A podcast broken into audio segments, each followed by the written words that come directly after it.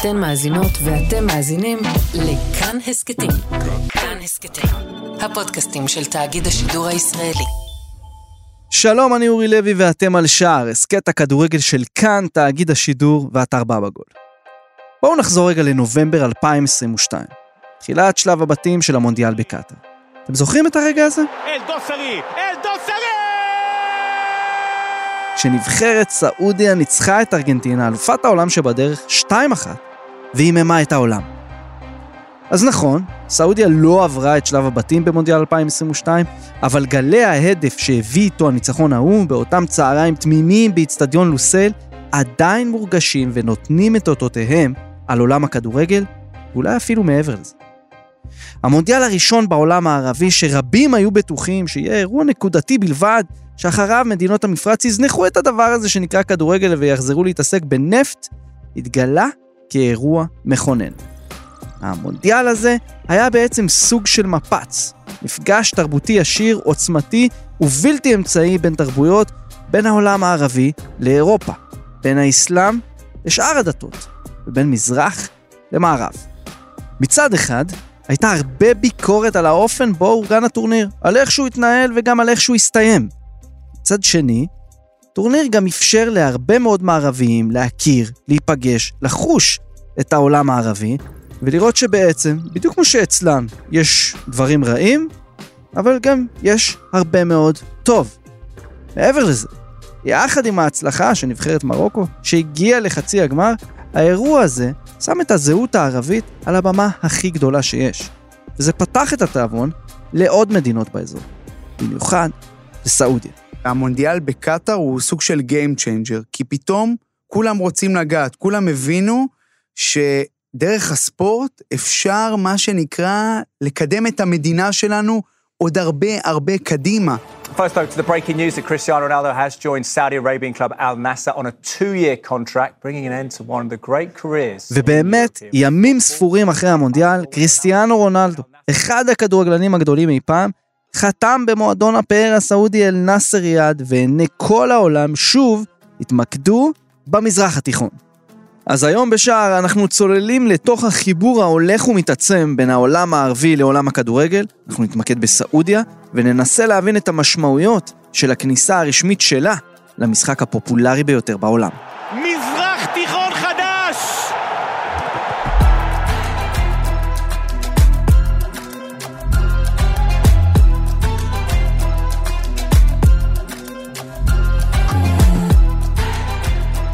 ה-24 באוקטובר 2018, ריאד, סעודיה. أن أوروبا الجديدة هي الشرق ال- الأوسط בפורום השקעות העתיד של סעודיה, בהשתתפות מנהיגי המזרח התיכון, מוחמד בן סלמן, יורש העצר הסעודי, הכריז שלדעתו, המזרח התיכון הוא אירופה החדשה. المملكة العربية السعودية في الخمس سنوات القادمة سوف تكون مختلفة تماما البحرين سوف לדבריו تكون אז, مختلفة تماماً. חמש שנים קדימה, בעצם סוף 2023, השנה הזו, סעודיה, בחריין, כווית ואפילו קטאר, עם כל הפערים וההבדלים בינה לבין סעודיה, השתנו לגמרי. الإمارات عمان لبنان الأردن مصر العراق والفرص التي لديها إذا نجحنا في الخمس سنوات القادمة בנאום ההוא, בן סלמן לא עוצר רק בשכנותיו למפרץ.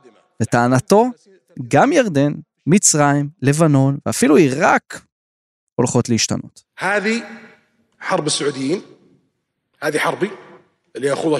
זו המלחמה של הסעודים. זו המלחמה שלי באופן אישי. ואני לא מוכן למות לפני שאני רואה את המזרח התיכון בקדמת העולם, ואני בטוח במאה אחוז שאנחנו נשיג את זה, הוא אמר. זה בעיניי הנאום, אה, אם תרצה, אחד הנאומים המכוננים, שהוא רלוונטי גם היום. רועי קייס הוא ראש תחום העולם הערבי בכאן חדשות, ואחד העיתונאים הישראלים המקושרים והבקיאים ביותר באזורנו. אני עוקב אחר העיתונות הסעודית. עכשיו, בדרך כלל העיתונות הסעודית, אורי, זה... מה עשה המלך אתמול, מה הוא עשה היום, מה הוא עשה עכשיו. סבבה, זה עדיין קיים, אבל אם יש לך, נגיד, בלמעלה של העמוד הראשי זה, למטה זה רונלדו. עסקת רונלדו הייתה אחד האירועים המטלטלים שעולם הכדורגל ראה בשנה רוויית אירועים כמו 2022. בכל זאת, לא בכל יום שחקן בקליבר הזה, מהרמה הזו, נוחת במזרח התיכון. ולא סתם במזרח התיכון, באמירויות, בקטאר או בבחריין, אלא בממלכה הערבית הסעודית, המדינה החזקה ביותר בעולם הערבי, עם אוכלוסייה של יותר מ-40 מיליון איש, זו שעומדת בראש האסלאם הסוני, זו שבשטחה נמצאים שניים מהאתרים הקדושים ביותר לאסלאם, במדינה ובמכה.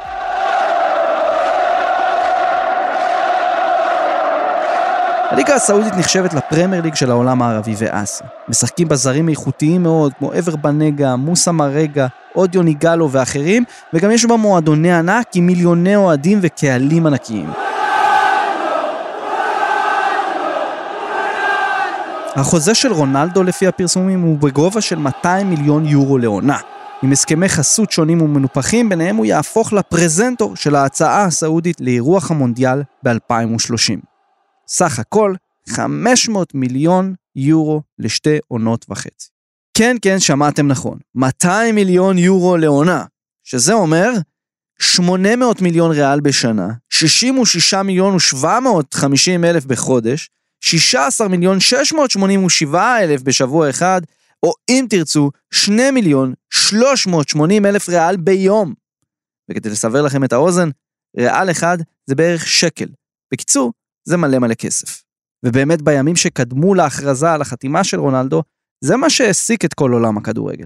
הכסף. כל הכבוד, כולם מדברים, אתה יודע, על הכסף, וכמה שניות הוא מרוויח כסף, זה, זה לא הסיפור. תראה, הסיפור של רונלדו לחלוטין מתחבר לחזון היותר גדול של סעודיה, חזון 2030, כאשר בן סלמן, איש צעיר, בשנות ה-30 לחייו, הגדיר לעצמו, אני רוצה ממלכה אחרת, לראות את סעודיה אחרת. סעודיה אחרת? מה זה אומר בכלל? ואיך רונלדו יכול לעזור לזה? או, בשביל להבין את זה, צריך להבין מה זה באמת סעודיה. מאיפה מגיע החיבור שלה לכדורגל? מי הוא באמת מוחמד בן סלמן ומה החזון שלו? ולמה הכניסה הרשמית שלהם למשחק היא חתיכת אירוע ססמי בעולם הכדורגל.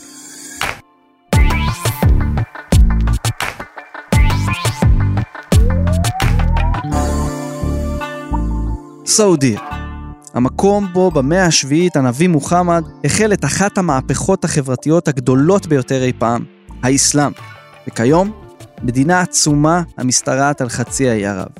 את ההיסטוריה הקרובה של סעודיה אפשר לכרוך סביב עץ משפחה אחד, בית סעוד, שחוזר אחורה עד 1727. אבי השושלת, מוחמד בן סעוד, ייסד אמירות בשם אל-דרעיה, שאימצה זרם דתי, אסלאמי, סוני, פונדמנטליסטי ושמרני מאוד, הוואביזם. עד אז האזור היה למעשה מספר אזורים שנשלטו על ידי מספר שבטים שונים, אבל קצת אחרי נפילת האימפריה העות'מאנית ב-1932, השבטים התאחדו רשמית והקימו את הממלכה הערבית הסעודית. לצד מועצת חכמי הדת ששומרת על אופייה הווהאבי של הממלכה, משפחת המלוכה, בית סעוד, היא מי שמכתיבה את הטון במדינה, והיא מונה כמעט 20 אלף בני אדם, כשאלפיים מהם מחזיקים במוקדי הכוח בסעודיה. ומאיפה מגיע הכוח?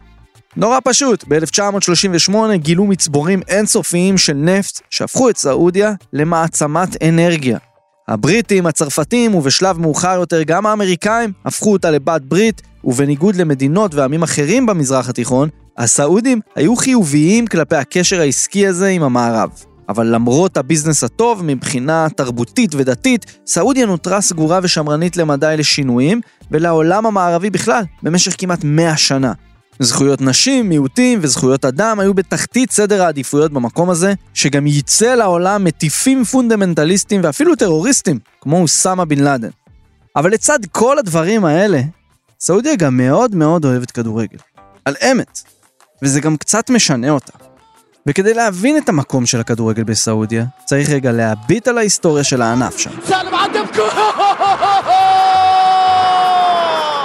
בניגוד לאיחוד האמירויות וקטאר, בסעודיה יש תרבות כדורגל אמיתית, עם מועדונים שמושכים עשרות אלפים למשחקים, ומיליוני אוהדים שבאים גם מכל מיני מדינות באזור.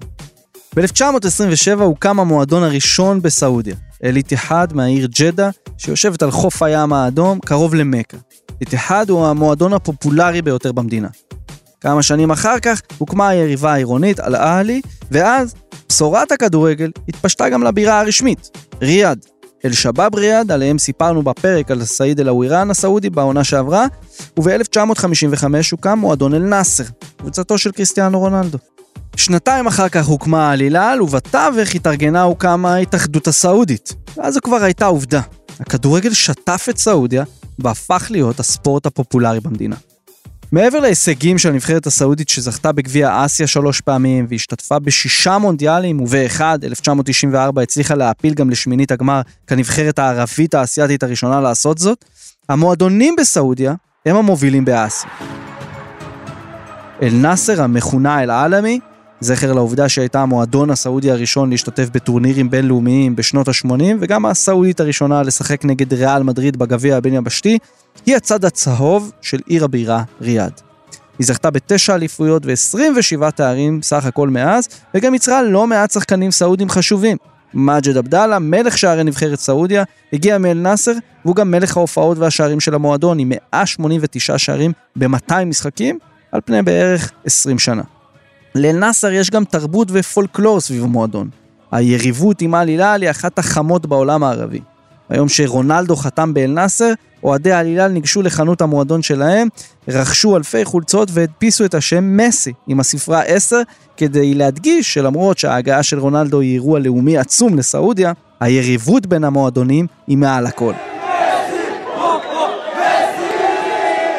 אל הילל היא עדיין המועדון הגדול והמוביל בממלכה, וגם די אהוב על משפחת השלטון. עם הכי הרבה אליפויות, ארבע זכיות בליגת האלופות של אסיה, והשתתפויות קבועות בגביע העולם למועדונים, ברחוב הכדורגל הסעודי ברור לכל איזה צד של ריאד הוא החזק יותר. ככה שמבחינת אימפקט פנימי, העברה של רונלדו באה לשנות בדיוק את זה. מועדון אינאסר, אז ברור לך שכל הסיפור הזה זה סיפור ממשלתי לחלוטין, שר הספורט, אתה יודע, הסתכלתי על שידורי הטלוויזיה הסעודית הממלכתית. מתי הטלוויזיה הסעודית הממלכתית מדווחת על כמה אנשים הולכים לקנות חולצות של רונלדו בחנות של אנאסר? אבל אם לוקחים רגע זום אאוט ורואים מה קורה בשנים האחרונות, מבינים שאחרי יותר מעשור שהם ישבו וראו מהצד את האימראטים רוכשים את מנצ'סטר סיטי ואת הקטארים את פריס סן ג'רמן וגם מארחים מונדיאל בהצלחה מרובה, לסעודים נפתח התיאבון והם נכנסו למשחק. עסקת רונלדו היא אמנם המהלך בווליום הגבוה ביותר, אבל לפני כן, הסעודים אירחו סופרקאפ ספרדי ואיטלקי במספר הזדמנויות, וגם רכשו את ניוקאסל יונייטד בעסקה מתוקשרת שזכתה לקיתונות של ביקורות בבריטניה ובמערב בכלל. בניגוד לקטרים ולאימראטים, עד עכשיו הסעודים לא הרבו בהחתמות גרנדיוזיות ומוציאות עיניים בניוקאסל, והפרויקט הזה, לפחות מבחינת כדורגל, נראה מצוין. אבל במקרה של רונלדו, מדובר במשהו גדול הרבה יותר. אולי גם אנחנו נזכה לראות מונדיאל בסעודיה, שאני חושב שבסופו של דבר זה הסיפור אולי היותר גדול, אתה יודע, שמאחורי עסקת רונלדו, כי, כי הסעודים רוצים לחלוטין להיות על, על כל המגרש מבחינתם, וזו הצהרת כוונות. מה שקייס אומר פה, זה המפתח. לארח מונדיאל. ואם אפשר, ב-2030. למה? מה מיוחד בשנה הזו? בשביל זה אנחנו צריכים להכיר לעומק את מוחמד בן סלמן, יורש העצר הסעודי, ואת החזון שלו לסעודיה החדשה.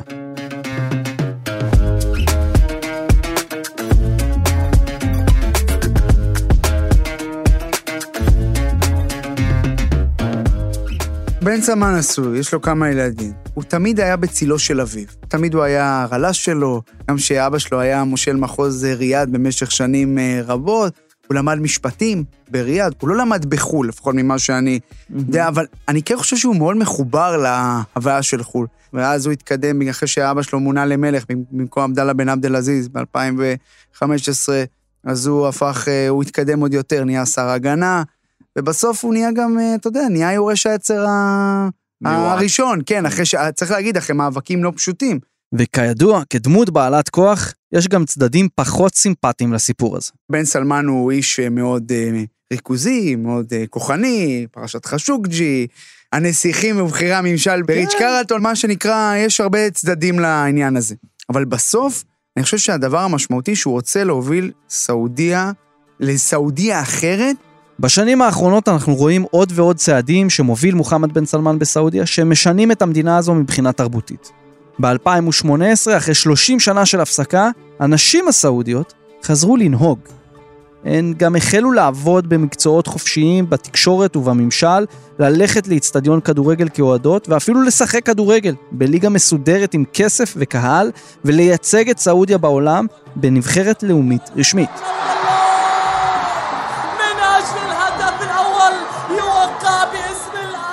וזה לא רק זכויות נשים סעודיות שמקבלות תמורה מעניינת. זה כל הנושא של הפיקוח הדתי, האסלאמי המסורתי, על החיים של אנשים. אני חושב שמבחינת הסעודים, אחד אה, מהדברים הכי משמעותיים זה התפקיד של משמרות הצניעות והמוסר. הרי פעם, אתה יודע, אם אנחנו גם רואים, ראינו את זה גם באיראן, שיש, משטרת הדת היא מאוד חזקה, אתה יודע, כלומר, אתה הולך ברחוב, ואם אתה, לא יודע, החיג'אב שלך אה, לא מסודר כמו שצריך, אז אה, תופסים אותך ומענישים ומלכות ועניינים. ואני חושב שאחד הדברים שבן סלמן עשה, ואני חושב שזה השינוי המשמעותי, זה להקטין את התפקיד של משטרת הדת, הוא ממש קיצץ לה את הכנפיים. אה, וזאת הצהרת כוונות, כי בסופו של דבר, ברגע שאתה הולך יותר חופשי ברחוב, אה, גם אם יש עדיין מוסכמות מסוימות, כי בסופו של דבר, אתה יודע, סעודיה עדיין מדינה שמונהגת לפי כללי ההלכה, אבל כשאין לך איזה פיקוח, אתה יודע, שאומרים לך, אתה לא עושה את זה בסדר ואתה לא עושה את זה בסדר כל שנייה, זה יוצר משהו אחר, זה נותן לאנשים יותר חופשיות. במקביל, סעודיה מארחת יותר ויותר אירועי תרבות מערביים. אז כן, את משחקי הסופרקאפ האירופאים הזכרנו, אבל גם ה Crown Jewel, אירוע השיא של ענף ה wrestling, והופעות של ההרכבים והזמרות הכי מערביים ממריה קארי ועד Black Eyed Peas, ומסיבות של טובי הדי-ג'ייז, כמו די-ג'יי טיאסטו. כי בסוף, השינוי היותר משמעותי שבן סלמן מנסה לעשות, זה הרצון לדבר עם הצעירים, ולחבר את סעודיה אליהם. ההבנה שבסעודיה יש דור צעיר שרוצה משהו קצת אחר, שהוא לא מחובר עד הסוף לאנשי הדת. אגב, אנחנו רואים את זה גם במקומות אחרים בעולם הערבי והמוסלמי, אתה יודע, אנחנו רואים את זה באיראן למשל. נכון. ואני חושב שזה הדבר המשמעותי. ההבנה שצריך גם לדבר יותר לאנשים האלה, וגם למצוא עבודה לאנשים האלה. מה הכוונה? הכוונה שאי אפשר רק שיהיה מגזר נפט. צריכות להיות תעשיות מקומיות, והאנשים האלה צריכים לעבוד. כי מעבר להשלכות התרבותיות של השינויים האלו, סעודיה כמהה לשינוי כלכלי. עם ההתחממות הגלובלית והכיוון אליו העולם הולך, היא גם מבינה שבקרוב תיאלץ להתחיל ולהתנתק מהנפט, ומתחילה להשקיע יותר בתיירות, בידור, תרבות ועוד דברים כאלה. ואני מחזיר אותך לנאום הזה של בן סלמן, שאחד מהדברים המשמעותיים שהוא אמר, אנחנו מעצמת נפט, אבל אנחנו צריכים לדעת גם להסתדר בלי הנפט. אנחנו חייבים, חייבים לגוון את הכלכלה שלנו, שיהיו לנו עוד תחומים. אנחנו לא יכולים רק להתבסס על הזהב השחור, שזה, שזה הקוראן שלנו. די, די, זה נגמר, אנחנו צריכים לגוון. וצריך תיירות, וצריך ספורט, ושירותים, ועוד תחומים אחרים. כלומר, צריך לעשות מה שהוא קרא לזה סעודיזציה של שוק העבודה. ובשביל זה אתה צריך גם להיפתח. אתה חייב להיפתח אה, למערב, אתה חייב להראות שאתה לא סעודיה הקיצונית של הוואביזם ושל אסון התאומים. אבל זה לא הולך חלק לגמרי. בן סלמן לא מחליט לבד, ויש כל מיני גורמים, חלקם גם מתוך בית המלוכה, ובקרב חכמי הדת, שיש להם דעה משלהם על השינויים האלו. אין לי ספק שיש אנשי דת שלא אוהבים את כל הרפורמות האלה של בן סלמן. מצד שני, ברור להם שזה העתיד של סעודיה. אתה כן רואה שלפחות בינתיים, אנשי הדת, גם אם הם לא מתים על זה, הם כן זורמים עם זה. תשמע, למשל, תיקח את הסיפור של נהיגת נשים. רק מלפני כמה שנים, אישה יכולה לנהוג בסעודיה. והכל מתחבר, קידום מעמד האישה, הפתיחות אה, באופן כללי, ההופעות, כיוון חיי הפנאי והבידוד. תסתכל על המספרים, כי מבחינת האוכלוסייה הסעודית. אנחנו מדברים היום על למעלה מ-35 מיליון בני אדם. כמה מהם צעירים? יותר מ-20 מיליון מתחת לגיל 34. וואו. שזה השכבת גיל של בן סלמן, בן סלמן בן 36, 37, זה הסיפור. כלומר, יש פה מאבק בין הדור הצעיר ובין הדור הישן, וזה מאבק מרתק בעיניי. ובינתיים, בינתיים ידו של בן סלמן על העליונה. האם אנחנו נראה את זה עוד כמה שנים? זו שאלה גדולה. כלומר, אם הוא יהיה שם, כלומר, בכוחו, במותניו, והוא יהיה המלך הבא, אז אני חושב שהמגמה הזאת תימשך. וכל זה מתנקז אל תוך חזון 2030 של מוחמד בן סלמן, חזון סעודיה החדשה.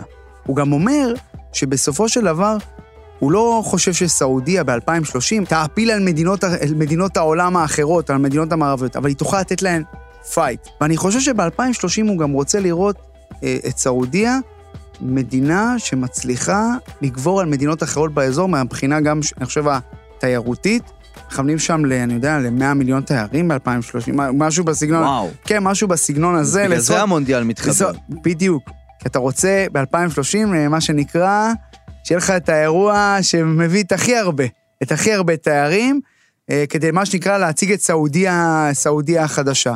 אתם מבינים? לא סתם רונלדו חתם בסעודיה. יש פה מגמה. הסעודים נכנסו בגלוי לכדורגל, מסמנים את היעד של מונדיאל 2030 כאירוע שיא, כחלק משינוי כיוון של המדינה שלהם כביכול, אבל גם כהפגנת כוח גיאופוליטית אזורית ועולמית. וקריסטיאנו? הוא מזהה את זה. נכון, אף אחד לא חושב שהתהליך הזה התחיל עם ההגעה שלו לאל-נאסר, אבל ב-2030 או ב-2040 או ב-2050, כולם יזכרו שזו הייתה אחת מנקודות הציון החשובות בשינוי הכוח הזה כשזה קרה. רונלדו מבין שקורה פה משהו גדול, וכנראה שהוא רוצה להיות חלק. in Europe, my work it's done. I I won uh, everything.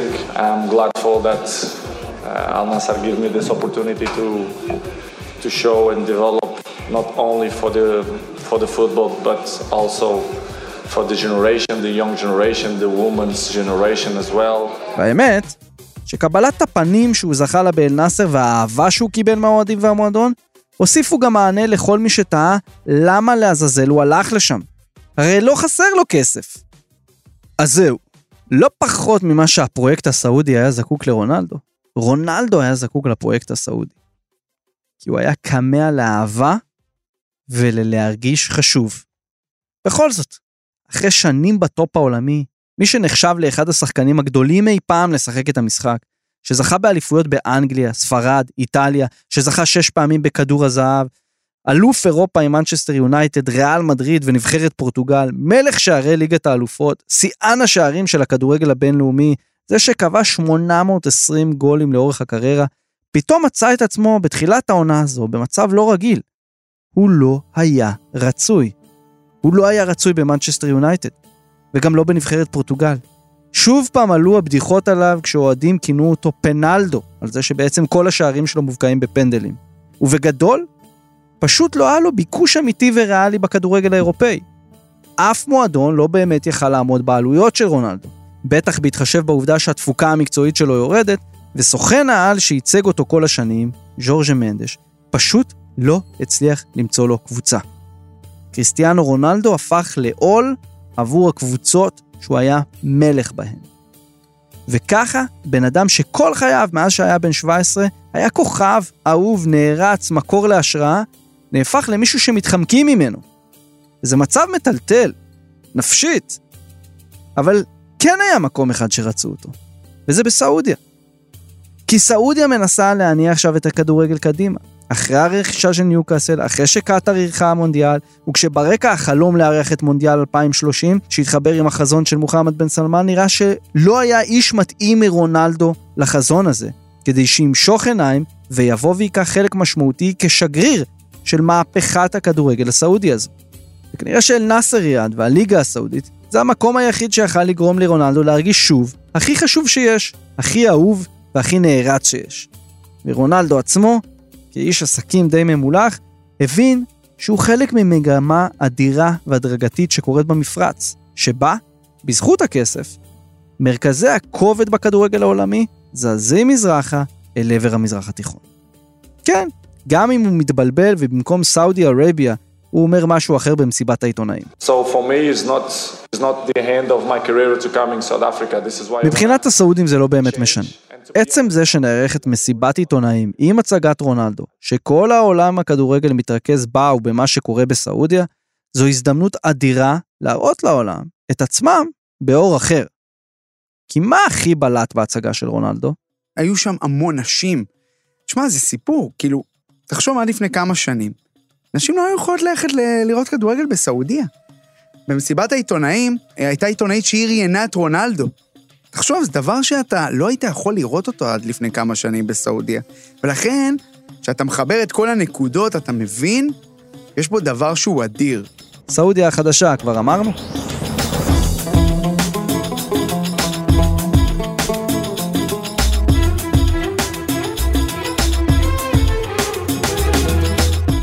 אבל זו לא רק סעודיה.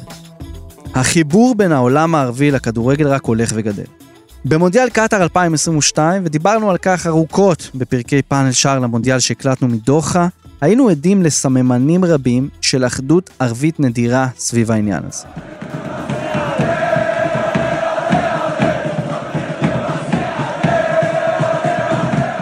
העובדה שזה המונדיאל הראשון בעולם הערבי, עם מספר שיא של נבחרות ערביות, עם מעל ל-100 אלף אוהדים ערבים שתמכו בכל הנבחרות מן האזור, ועם נבחרת ערבית היסטורית, מרוקו, שרושמת הישג שיא בדמות חצי גמר מונדיאל.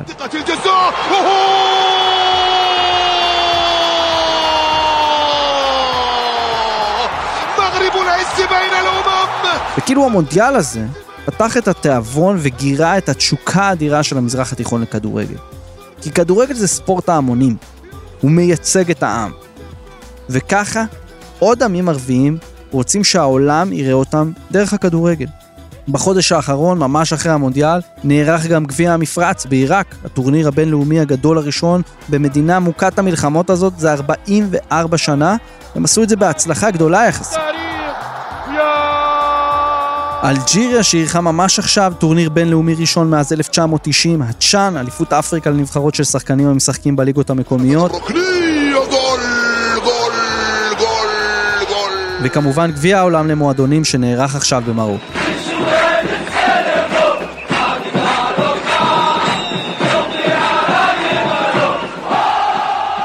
וזה גם יוצר תחרות. כל מדינה מארחת כזו מנסה לייצר את טקס הפתיחה הכי מרשים ולשים את הזהות הלאומית והערבית שלהם על במה מרכזית. התחרות הזו ביניהן, כחלק מההסתערות הערבית על הכדורגל, מקדמת כל אחת מהן.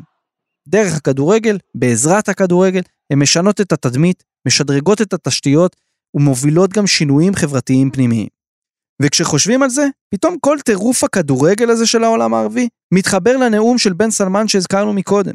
בעוד חמש שנים סעודיה תהיה אחרת, עיראק תהיה אחרת. אז נכון, לא הכל השתנה, והיו תקריות אבטחה קשות בגביע המפרץ, או התלקחות פוליטית בין מרוקו לאלג'יריה לפני הצ'אן, יש עוד המון המון עבודה, וזה רק כדורגל, אבל כן יש שינוי. ואם בזכות הכדורגל העולם הערבי מתחיל לדבר בשפה הבינלאומית, אז כן, קורה פה משהו. ובתוך המשהו הזה, יש כמה שחקנים מרכזיים. כן, מרוקו כמובן היא חלק מזה, אבל סעודיה היא בלי ספק הענק הגדול ששואף להפוך לשחקן מרכזי. שימו לב לרשימת האירועים שהיא תיקח בהם חלק. את הרפורמה במונדיאל המועדונים שפיפ"א מובילה, טורניר של 32 קבוצות, סעודיה תממן וככל הנראה גם תארח. היא תארח גם את גביע אסיה 2027, ולמרבה הטירוף, אפילו אליפות החורף של משחקי אסיה, עם כל השלג שיש שם, תתקיים בסעודיה בשנת 2029. הכל כדי להתכונן לאירוח מונדיאל 2030, שיתחבר לחזון 2030, וחלק משינויים ותנודות במטוטלת הכוח של הכדורגל העולמי. אז איך צריך להתייחס לזה?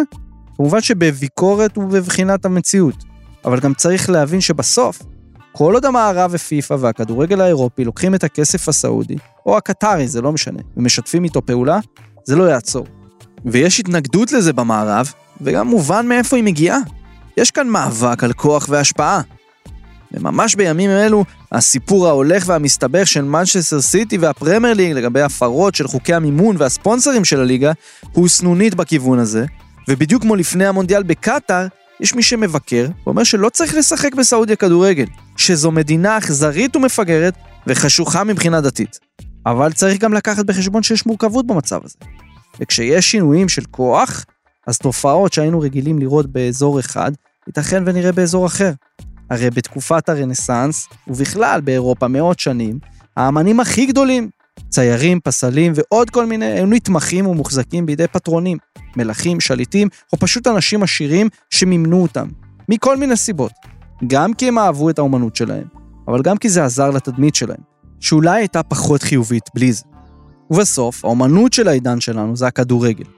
והאמנים הכי גדולים זה נאמר, זה אמבפה, ליונל מסי כמובן, וזה קריסטיאנו רונלדו. אז מה קרה? כנראה שהפטרונים של האומנות הזו מתחילים להתחלף בתהליך של חילוף, או שכבר התחלפו. וכשסעודיה מחתימה את רונלדו, אז כן, היא גם באה לשפר את התדמית שלה ולהתחבר לצעירים, למערביים, אבל גם חלק מזה בא מתוך צורך בשינוי פנימי, אצלם. וזה מצב מורכב, בטח כשיש להם כל כך הרבה כסף וכוח. והנה, זה כבר קורה. בסוף השבוע שעבר, במשחקו השלישי במדי אל-נאסר, רונלדו סוף סוף כבש את שער הבכורה שלו בליגה הסעודית. שער דרמטי, בדקה ה-93, שהציל נקודה לקבוצה שלו, איך לא? בפנדל. וממש השבוע, היריבה העירונית אל הילל המשיכה את רנסאנס הכדורגל הסעודי מהניצחון על ארגנטינה, כשהפכה לאלופת אסיה הראשונה אי פעם להעפיל לגמר גביע העולם למועדונים, אחרי ניצחון הירואי על פלמנגו הברזילאית. אה, כן, וכמה ימים לפני זה, התפרסם שבמונדיאל הנשים הקרוב, שייערך השנה באוסטרליה וניו זילנד, סעודיה תהיה אחד הספונסרים המרכזיים של פיפ"א. אתם מבינים? מדינה שעד 2018 נשים לא נהגו בה ולא שיחקו בה כדורגל בכלל, תהפוך לאחת המממנות הבכירות של טורניר כדורגל הנשים הגדול בעולם.